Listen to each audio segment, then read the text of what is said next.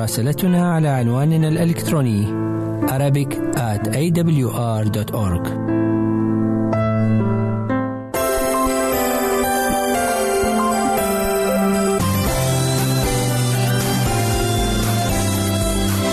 أنتم تستمعون إلى إذاعة صوت الوعد. ماذا علم السيد المسيح عن العلاقات الجنسية بين البشر وهل كما يظن البعض أن المسيحية هي دين الإباحية؟ وإلا لماذا تمارس بعض الأخطاء باسم الدين؟ هذا ما سوف نتعرف عليه اليوم فابقوا معنا.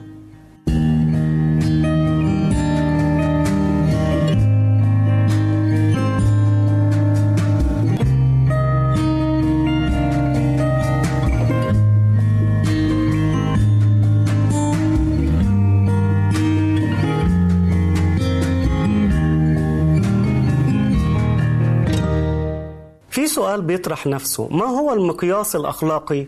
اللي وضع اللي وضعه السيد المسيح للعلاقات الجنسية والأخلاقية بين البشر بعضهم مع بعض.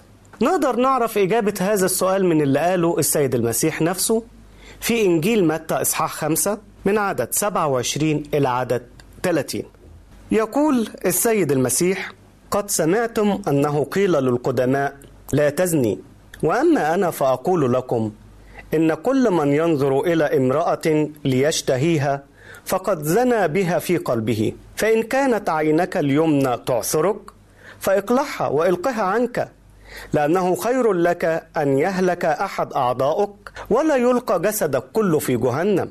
وإن كانت يدك اليمنى تعثرك فإقطعها وإلقها عنك لأنه خير لك أن يهلك أحد أعضائك ولا يلقى جسدك كله في جهنم.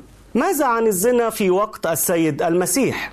ولماذا قال هذه الآيات؟ وهل بهذه الطريقة لغى وصية لا تزني أم أعطاها بعدا جديدا آخر؟ دعنا نرى ماذا كان الوضع وقت السيد المسيح. في البداية لما نتكلم عن الزنا أو خطية الزنا وقت السيد المسيح فالمجتمع اليهودي كان متحفظ جدا جدا وكان بيضع الزنا في أسفل طبقات المجتمع. وكانوا بيسموهم حسالة المجتمع. لدرجة إن أحد المعلمين اليهود كان بيقول إن خير لليهودي أن يقتل. عن أن عن أن يقتل أو يزني أو يعبد أصنام. فبالدرجة دي بنلاقي إن الوصية كانت واضحة جدا جدا وإن المجتمع اليهودي المتدين حافظ عليها. لأن الوصية بتقول هذا الشيء لا تزني. لكن للأسف هل ده كان بالفعل هو اللي موجود في المجتمع اليهودي؟ بنجد لا. بنجد إن كان في أخلاقيات متدنية. الوصية موجودة. التنفيذ هو اللي ما كانش بالدقة. إزاي؟ كان وجود زانيات جزء لا يتجزأ من المجتمع اليهودي. جزء لا يتجزأ من المجتمع اليهودي. فكان شيء طبيعي إن أنت في المجتمع تلاقي امرأة بتعمل في هذا الوضع. وده للأسف أثر كتير على المجتمع اليهودي. أثر عليه إزاي؟ أولا عرف خلى بعض اليهود عندهم رغبة شديدة إلى هذا الشيء وده خلاهم يعبدوا آلهة غريبة عن الله الحي بحجة أنهم بيعبدوا هذا الإله. وفي الحقيقة هم كانوا بيمارسوا ما يعرف عند الوثنيين بالزنا المقدس بالزنا المقدس. إن كان في بعض الشخصات بعض الراهبات مكرسات أنفسهن لذلك إنهم يعملوا هذا الزنا باسم الآلهة ويجمعوا المال اللي هم بياخدوه ويحطوه في صناديق الآلهة الوثنية. ده أيضا جعل الشعب يترك عبادة الله الحي. وما زاد الطين بلة على المجتمع اليهودي للأسف. وجود الاحتلال الروماني في المجتمع وجود الاحتلال الروماني عمل شرخ كبير في هذه النقطة. الشرخ ده كان عبارة عن إيه؟ الشرخ ده كان عبارة عن إن العساكر أو جنود الرومان كانوا بيحاولوا يشبعوا رغباتهم فكان ليهم ما يعرف باسم العشيقات. كانوا بيمارسوا الفجور والمجون في وضوح النهار والليل وما كانش حد يقدر يمنعهم لأنهم هم معاهم القوة ومعاهم السلطة.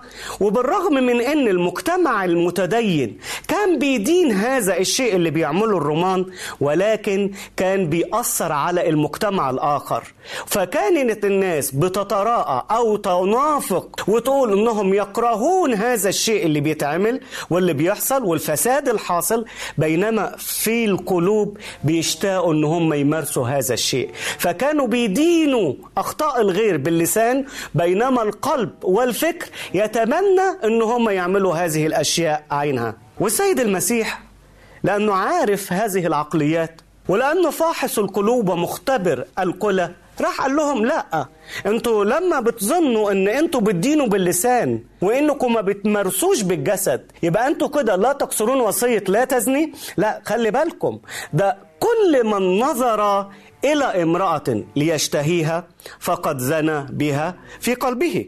وبيبتدي هنا السيد المسيح وبيقول لهم أول حاجة سمعتم أنه قيل. كلمة سمعتم أنه قيل البعض بيفسرها هل ده معناها أنه بيلغي ما قبله؟ ما هو وصية لا تزني من الوصايا العشر. فسمعتم أنه قيل بمعنى إيه؟ بمعنى ان هو لما بيقول سمعتم عايز يقول لهم إن أنتوا لم تقرأوا. أنتوا بتسمعوا غيركم. لأن في ناس بتسمع بس بتعتمد على اللي بتحصله من الآخرين.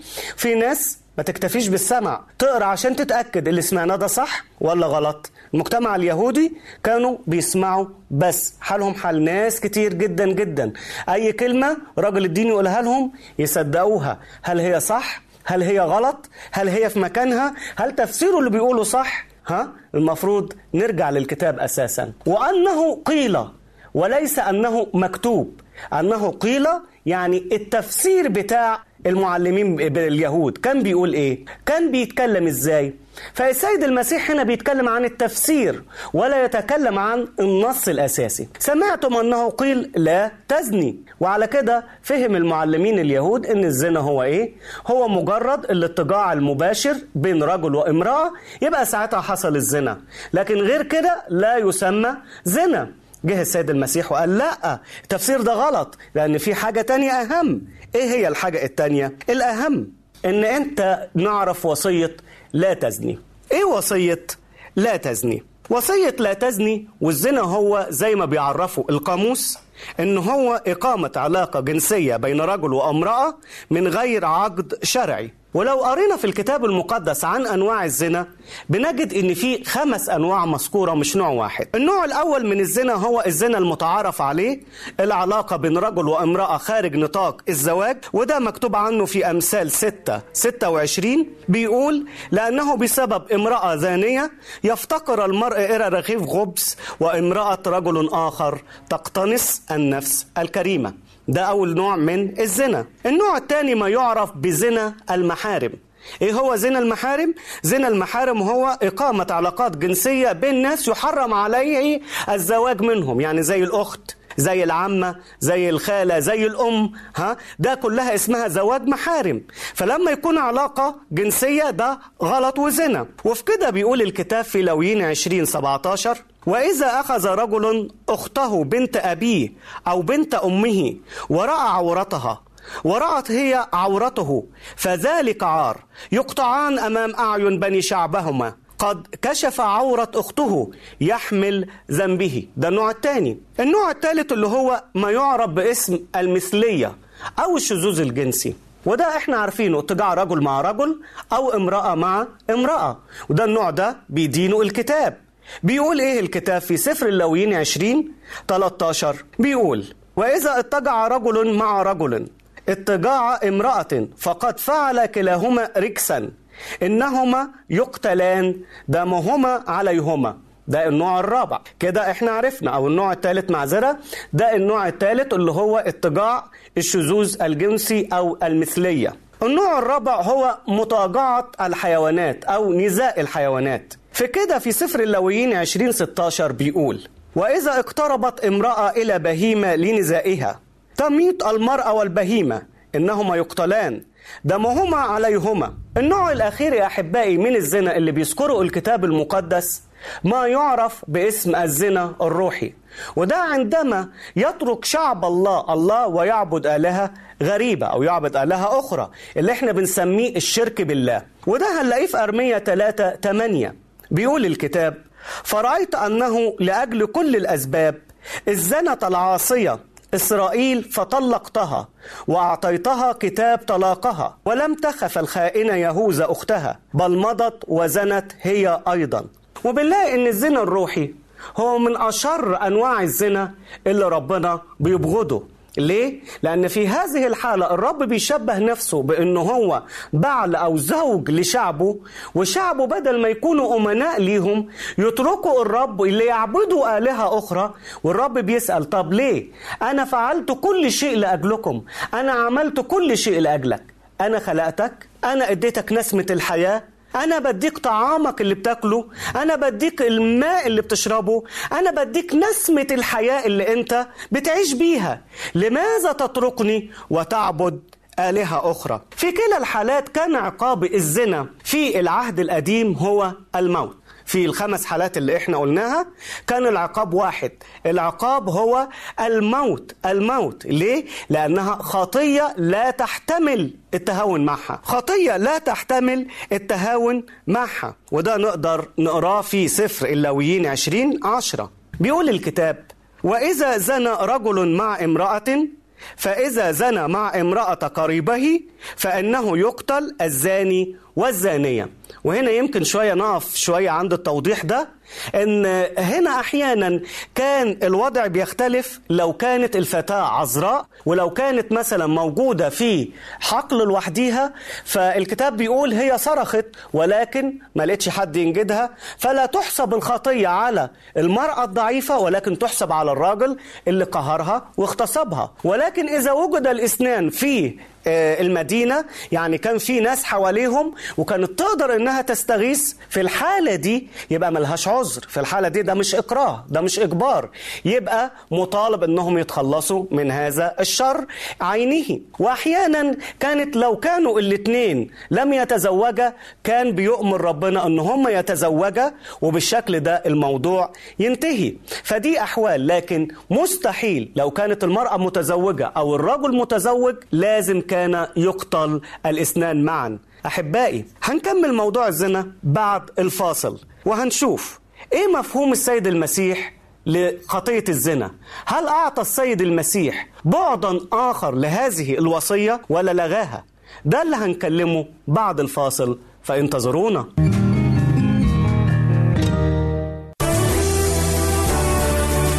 أنت تستمع إلى إذاعة صوت الوعد.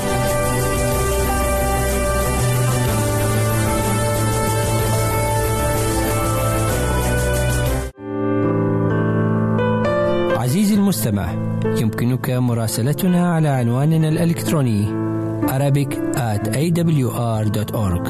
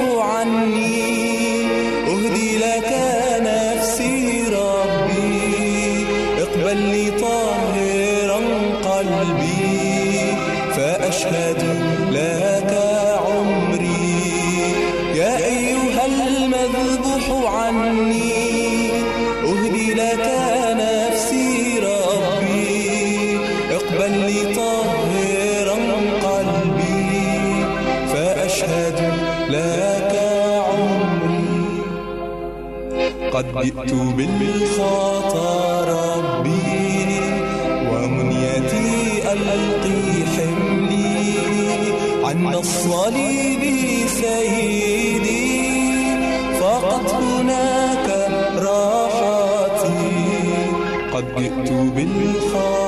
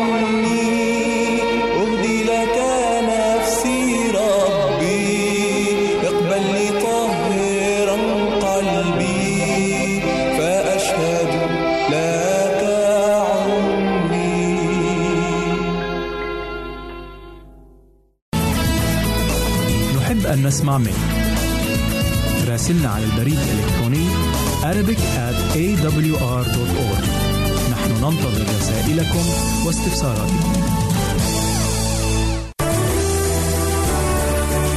أنت تستمع إلى إذاعة صوت الوعد.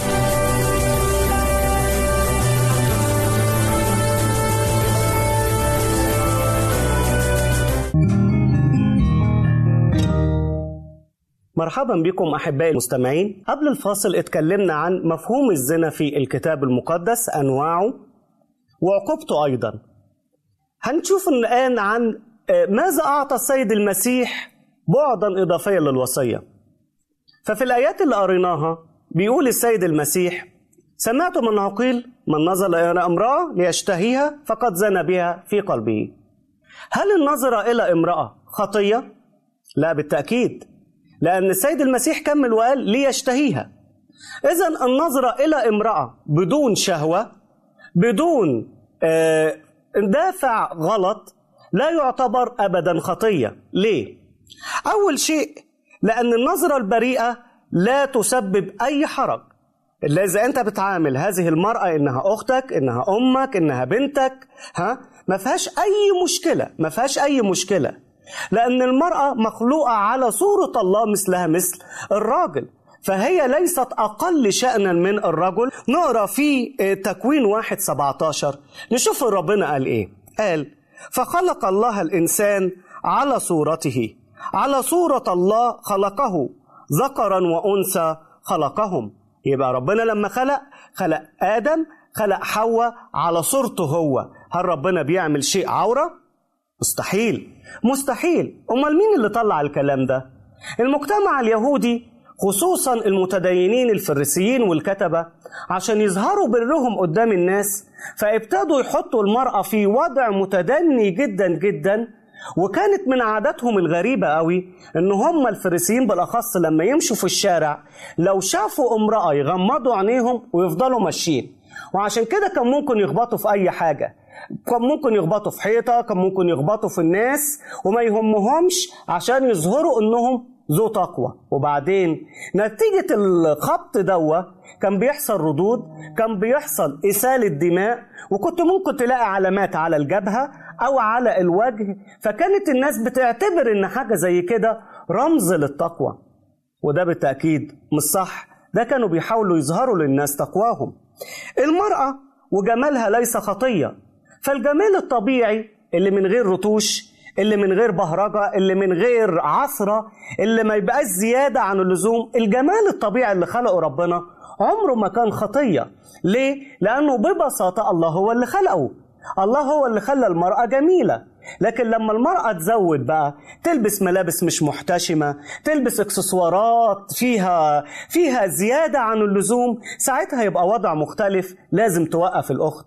ولكن كجمال طبيعي الله هو اللي أعطاها هذا الجمال. فما الخطأ في الجمال الطبيعي؟ لا يوجد أي خطأ.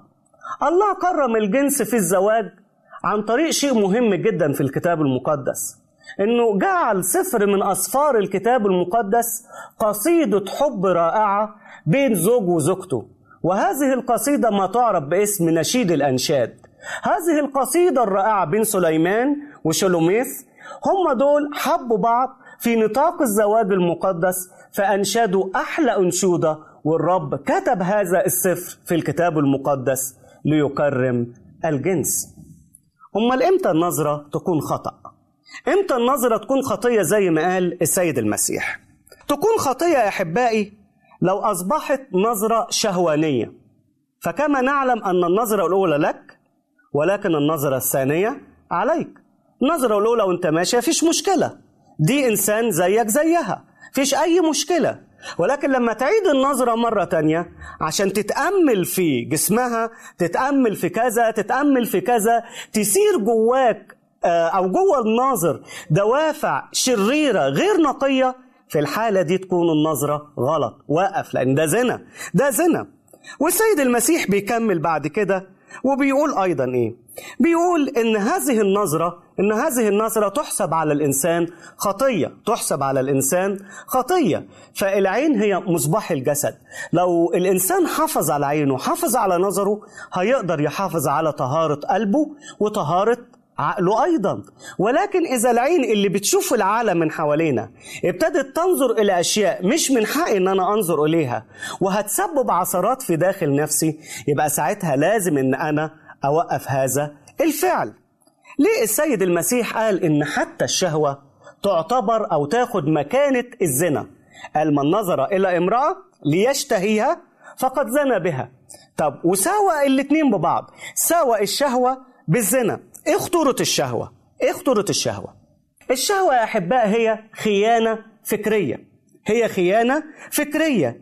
حتى وإن كانت لم ترتقي إلى مرتبة الخيانة الجسدية. ولكن تتخيل تتخيل أن بعض الأزواج بيشعروا بعذاب الضمير لأنهم عايشين ومش عايشين. بيحبوا في قلبهم شخص آخر غير شريك الحياة وبيعاشروا هذا الشخص في المخيلة وفي الخيال. فبتسبب كبت داخلي. وللأسف الشديد أحيانا بتسبب أمراض زي اللعنة الجنسية عند الرجال أو البرود الجنسي عند النساء وبتكون شيء فظيع لا يحتمل وعذاب ضمير قاسي جدا على الإنسان اللي بيضع في فكره هذا الفكر الغير مقدس. الشهوة مثل البذرة. الشهوة مثل البذرة. لو إحنا رحنا أي حقل ورمينا أو كبينا مية بعد شوية هتلاقي حاجة طلعت وغالبا بيكون حشائش ضارة أو شوك جه منين؟ هل هو جه من الماء اللي إحنا كبيناه؟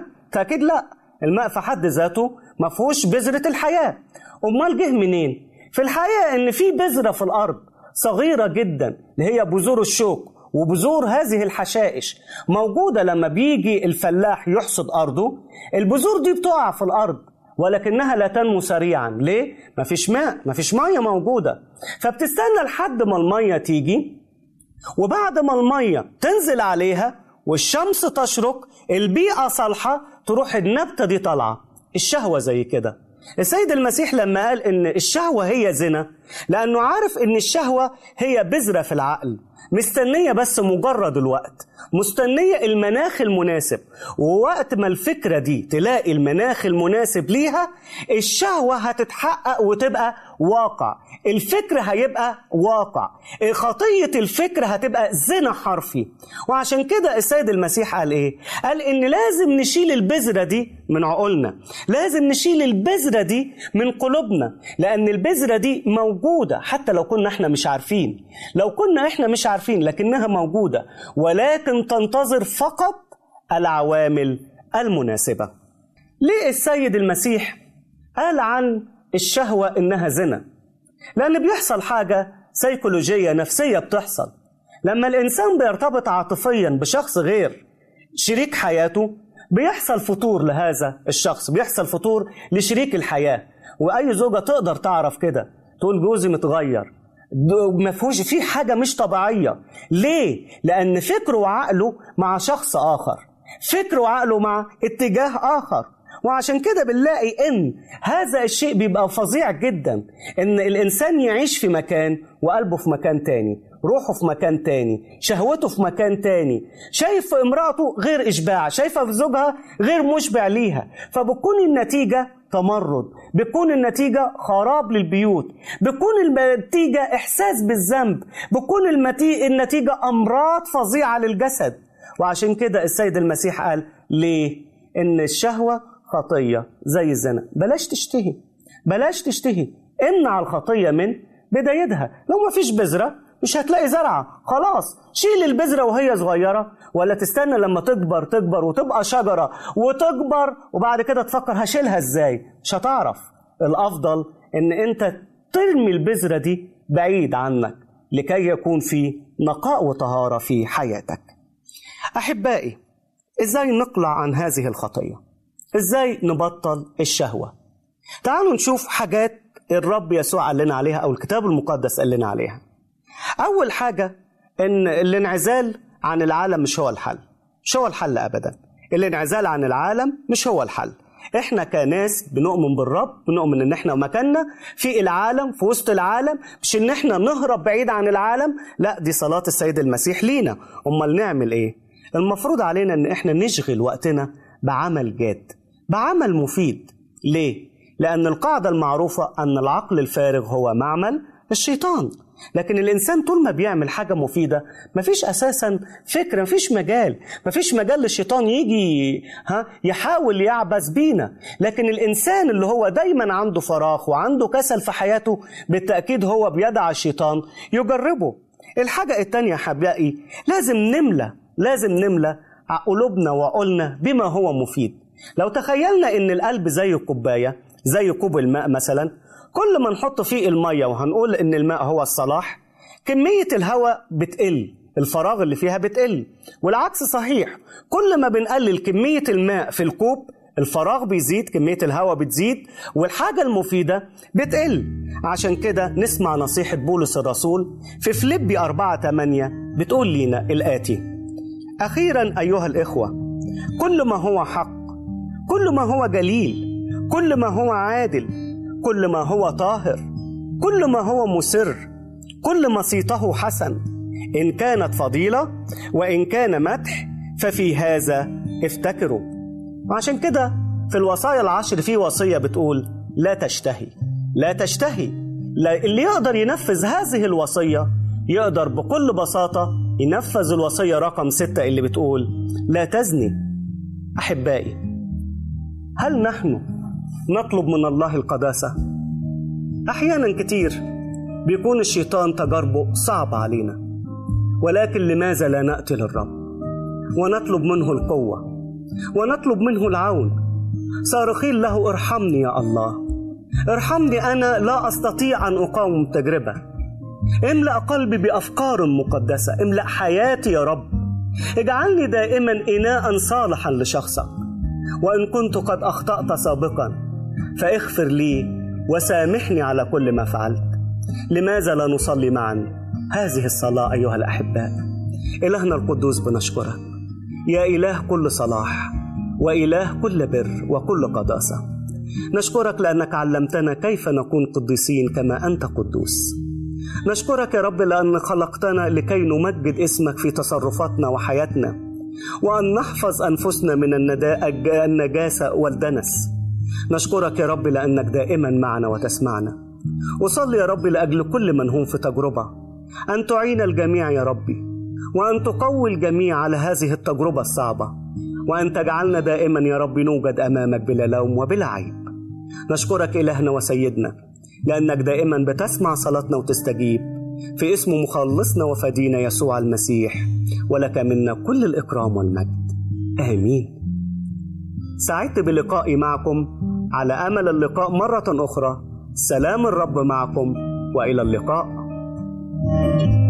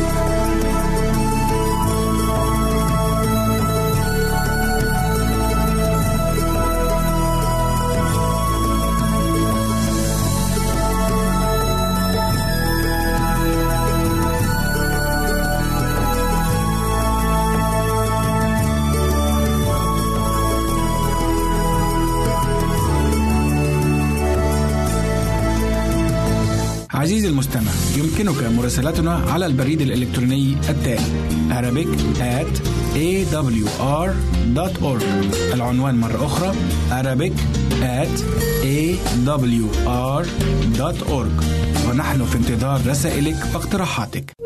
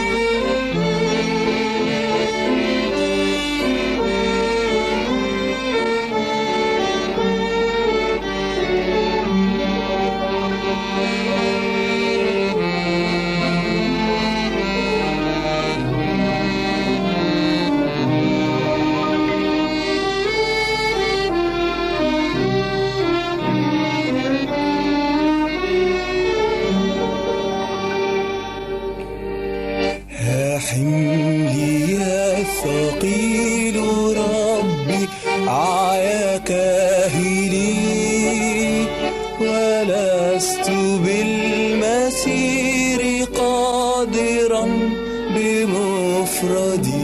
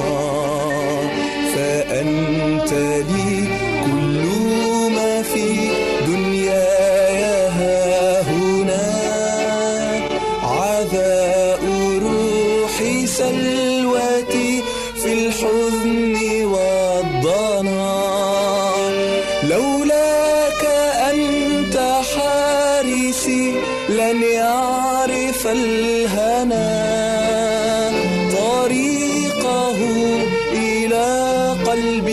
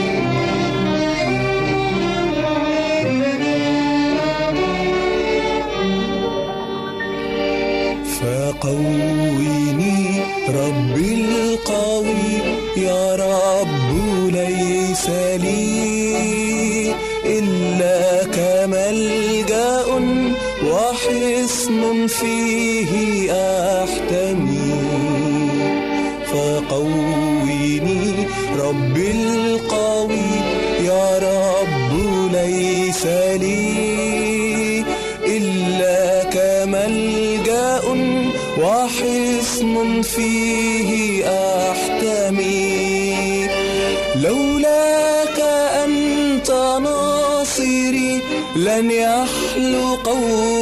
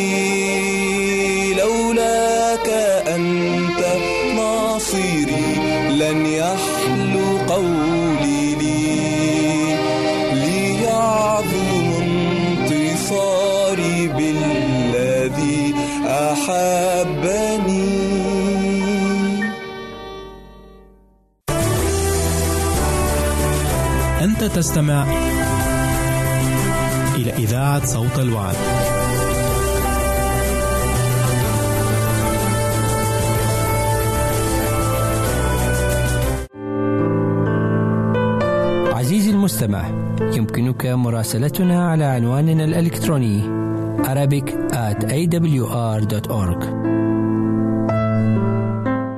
مستمعين الكرام سلام الله عليكم. أهلا وسهلا بكم في هذا اللقاء الجديد من برنامج أضواء على الصحة بعنوان معالجة الأم الحامل حيث تتعرض الحامل في هذه الفترة لبعض المضاعفات الصحية.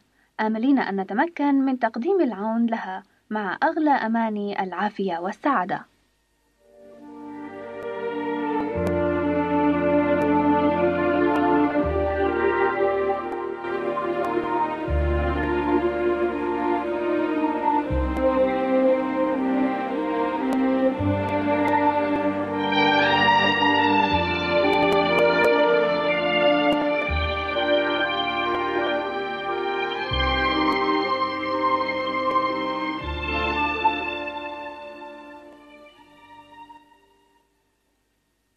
عندما تقترن امرأة دمها سلبي برجل دمه إيجابي يحمل أطفالهما عادة دما إيجابيا. وأثناء الحمل قد تتسرب بعض الخلايا الدموية من الجنين إلى الأم عبر المشيمة. وبما أن دمها سلبي ودم جنينها إيجابي فإن دمها يرفض الدم الدخيل وتروح أنسجتها تكون أجساما مضادة تفتك بهذه الفئة المتطفلة من الخلايا الدموية وتسبب مرض فقر الدم لجنينها. ولا تحدث هذه الخطورة عادة في الحمل الأول بل في الثاني والثالث. ونتناول الآن كيفية التغلب على هذه الظاهرة الخطيرة. تتوفر الآن طريقة تقي الأمهات ذوات الدم السلبي من خطر تطوير أجسام مضادة تهدد أطفالهن الذين قد يأتون بعد البكر. فإذا أخذنا حقن معينة يزول منهن الميل إلى إنتاج الأجسام المضادة على أن تعطى هذه الحقن في غضون الساعات الاثنتين والسبعين التي تلي مباشرة نهاية كل حمل. فننصح كل أم باستشارة طبيبها ليقرر لها العلاج وزمن تعاطيه. أما إذا امتنعت الأم ذات الدم السلبي عن أخذ هذا العلاج الواقي فإن أنسجتها تبدأ بإنتاج الأجسام المضادة التي قد تؤذي الأطفال الذين ستلدهم فيما بعد. ويزداد الخطر مع كل ولادة جديدة. فالعديد من الأطفال المولودين بهذه الطريقة يموتون حالا بعد الولادة. وقد يمكن إنقاذ بعضهم إذا استبدل دمهم فورا بدم خال من الأجسام المضادة المؤذية. ومن هنا نلاحظ أهمية الإشراف الطبي طوال فترة الحمل لأنه من خلاله يتم اكتشاف العامل السلبي في دم المرأة فتعد الخطط الملائمة لاستبعاد خطره. الطرق الصحية للعيش وقت الحمل القاعدة العامة للنساء الحوامل هي أن يواصلن طريقة حياتهن العادية مع شيء من الاعتدال فيتجنبن كل ضروب الإفراط حتى الإفراط في الراحة نفسها. وليتجنبن كذلك العمل الجسدي المضني بما في ذلك الانحناء وحمل الأجسام الثقيلة وليؤجلن إلى ما بعد الوضع ما اعتدنه من رياضات مرهقة كلعب التنس وركوب الخيل. ولكن النشاط الجسدي المعقول يفيد المرأة الحامل. ولعل رياضة المشي هي أفضل ما يفيدها وكذلك العناية بحديقة المنزل. وينصح بعض الأطباء المرأة الحامل بإجراء تمارين رياضية خاصة تهدف إلى تقوية العضلات التي ستساعد على الوضع، الأمر الذي يجعله أقل مشقة. وعلى الحامل أن ترتدي ثيابا بسيطة ومريحة وعليها أيضا أن تمتنع عن استعمال أربطة الساق المستديرة أو الملابس الضاغطة الأخرى التي تعرقل عودة الدم إلى القلب عبر الأوردة، ولتترك إلى ما بعد الحمل ارتداء الأحذية العالية الكعب. ويستحسن أن تستحم الحامل يوميا بمياه معتدلة الحرارة لأن إفرازات الغدد الجلدية تصبح أكثر نشاطا وقت الحمل. وبما أن المرأة تعوزها الرشاقة وخفة الحركة في الفترة الأخيرة من الحمل عليها بالتزام الحيطة في الحمام ووضع سجادة مطاطية تقيها من الانزلاق. وينبغي ألا تستحم في الحوض أو البانيو في الشهر الأخير من حملها تجنبا لدخول الجراثيم إلى الأقنية التي سيخرج منها الطفل بل تغتسل تحت المرشة أو الدوش. ويستحسن خلال الحمل أن تقوم الحامل بواجباتها الاجتماعية تجاه الأهل والأصدقاء بواسطة الهاتف بدلا من الزيارات التي قد تعرضها لخطر التقاط أمراض معدية لا سيما الحصبة الألمانية. أو بعض الأمراض التي تخفف من حيويتها العامة كالزكام والإنفلونزا مثلا.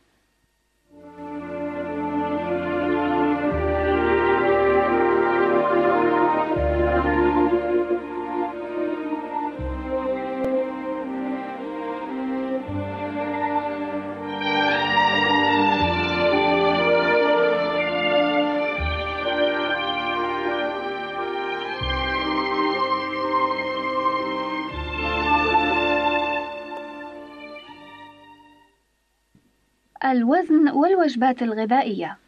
أوصت الدوائر الطبية المختصة بأن تترجح زيادة الوزن لدى الحامل بين 10 إلى 12 كيلوغراما على أن تكون هذه الزيادة طفيفة خلال الأسابيع الاثني عشر الأولى وأن تكون بمقدار نصف كيلوغرام خلال كل من الأسابيع المتبقية.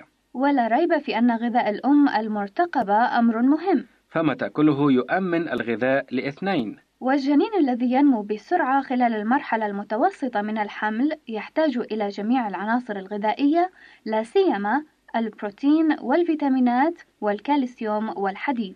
لذلك يصف الطبيب للحامل أنواعا معينة من الطعام فينصحها بتجنب الحلويات والأطعمة الكثيرة التوابل والدهنية والمشروبات المحلاة بالسكر. ويكفيها أن تتناول قرصا واحدا من الفيتامينات المركبة لتلبية حاجتها إليها. أما الكالسيوم فيتأمن لها إن شربت على الأقل لتر من الحليب أو ما يعادله من منتجات الألبان في اليوم. أما الحديد فإنه يكثر في البقول والمواد التي نصنع منها السلطة. وهكذا يجب أن تتضمن الوجبة اليومية المثالية للحامل بعضا من أصناف الطعام السبعة الآتية.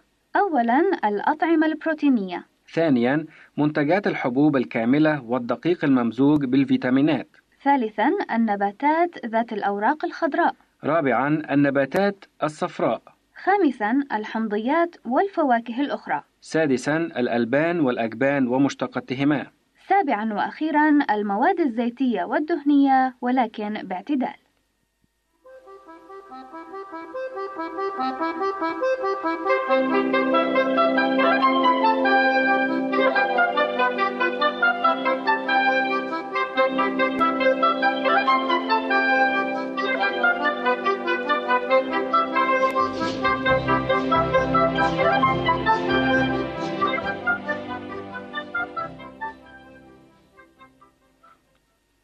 التدخين. أظهرت الدراسات العلمية أن متوسط وزن الأطفال المولودين من أمهات يتعاطين التدخين هو أقل بشكل ملحوظ من متوسط وزن الأطفال المولودين من أمهات لا يدخن. وأضافت هذه الدراسات أن عدد الولادات التي تحدث قبل الأوان عند الأمهات المدخنات هي ضعف عدد الولادات المماثلة عند غير المدخنات، وأن العدد الأكبر من هذه الولادات السابقة لأوانها مسؤولة عنها الأمهات المفرطات في التدخين. ولذلك يبدو جليا أن تدخين الأم يخفف من حيوية الجنين، وتعزى هذه النتيجة جزئيا إلى ما يتضمنه التبغ من نيكوتين. وثمة عامل آخر يؤثر على حيوية الجنين هو نقص الأكسجين في دم الأم المدخنة، وذلك نتيجة لوجود أول أكسيد الكربون في دخان التبغ. وبما أن الجنين لا يصله إلا أكسجين مستعمل من قبل الأم، فإن كل نقص نوعي في كمية الأكسجين يحدثه أول أكسيد الكربون في دم الأم سيخفف حتما كمية الأكسجين اللازمة لنمو الجنين السليم.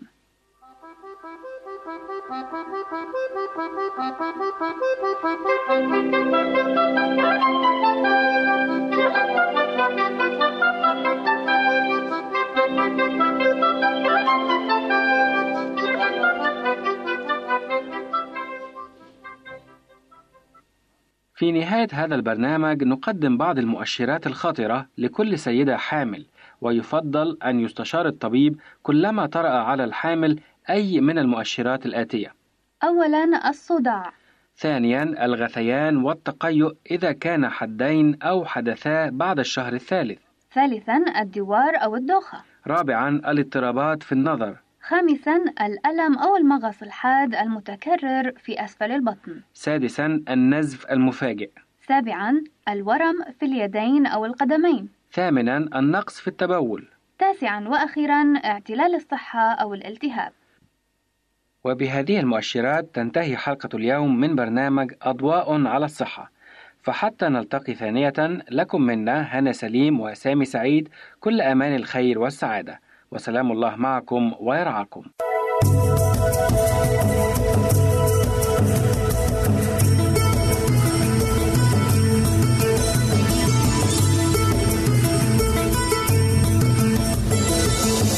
هنا إذاعة صوت الوعد.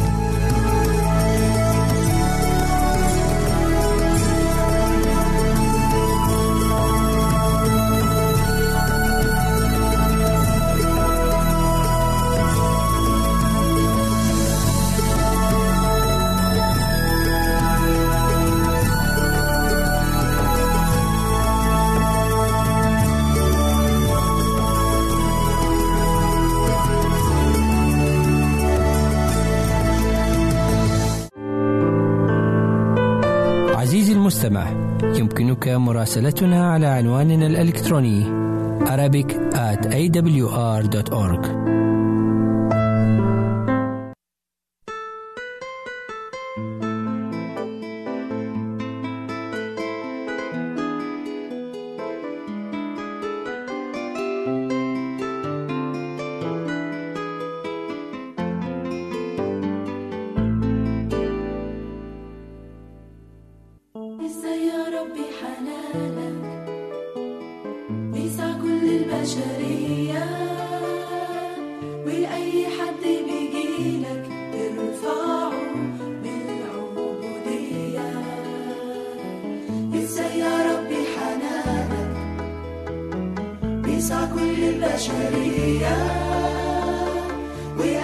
Atlantic.